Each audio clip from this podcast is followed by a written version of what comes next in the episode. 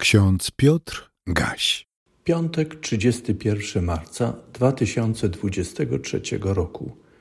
W Księdze Sędziów, w trzecim rozdziale, dziewiątym wersecie czytamy: Gdy synowie izraelscy wołali do Pana, wzbudził Pan synom izraelskim wybawcę, który ich wyratował. W Ewangelii według przekazu Łukasza w pierwszym rozdziale, 68 wersecie czytamy: Zachariasz powiedział: Błogosławiony Pan, Bóg Izraela, że nawiedził lud swój i dokonał jego odkupienia. W Księdze Sędziów w trzecim rozdziale od siódmego wersetu czytamy następujące słowa. Synowie izraelscy czynili tedy zło w oczach Pana i zapomnieli o Panu Bogu swoim i służyli Baalom i Aszerom. Zapłonął więc gniew Pana na Izraela i zaprzedał ich w rękę Kuszan Ryszataima, króla Aram Naharaim. I byli synowie izraelscy w niewoli u Kuszan Raszataima przez osiem lat. Lecz gdy synowie izraelscy wołali do Pana, wzbudził Pan synom izraelskim wybawcę, który ich wyratował, Otniela, syna Kenaza, młodszego brata Kaleba. Według narratora Otniel działał jako sędzia oraz wyruszył na wojnę przeciwko Aramejczykom. Po zwycięstwie nad nimi zapewnił Izraelowi pokój przez 40 lat.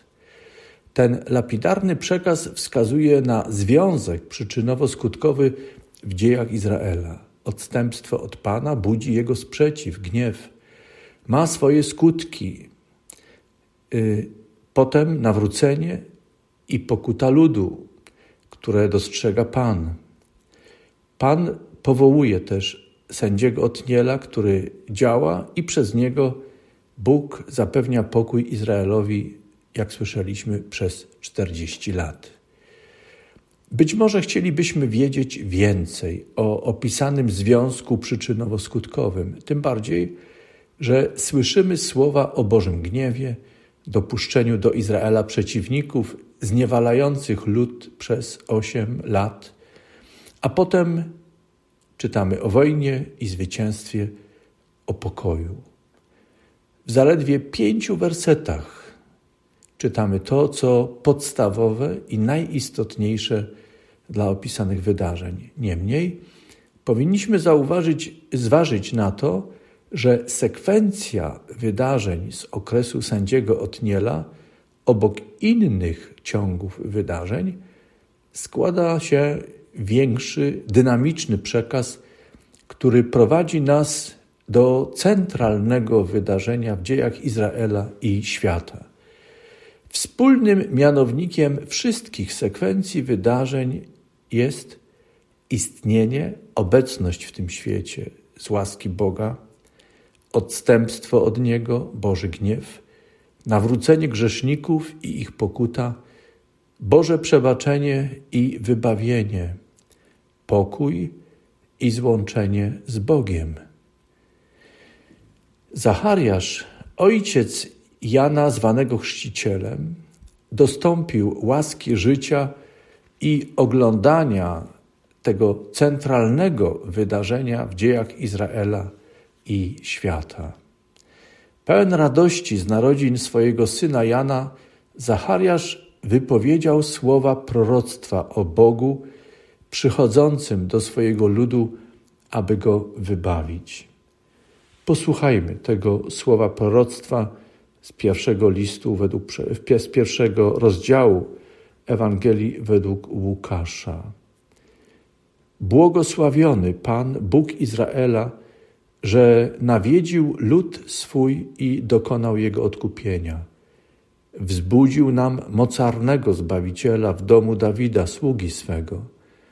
Jak od wieków zapowiedział przez usta świętych proroków swoich wybawienie od wrogów naszych i z ręki wszystkich, którzy nas nienawidzą, litując się nad ojcami naszymi, pomny na święte przymierze swoje i na przysięgę, którą złożył Abrahamowi, Ojcu naszemu, że pozwoli nam wybawionym z ręki wrogów bez bojaźni służyć Mu w świętobliwości i sprawiedliwości przed Nim po wszystkie dni nasze.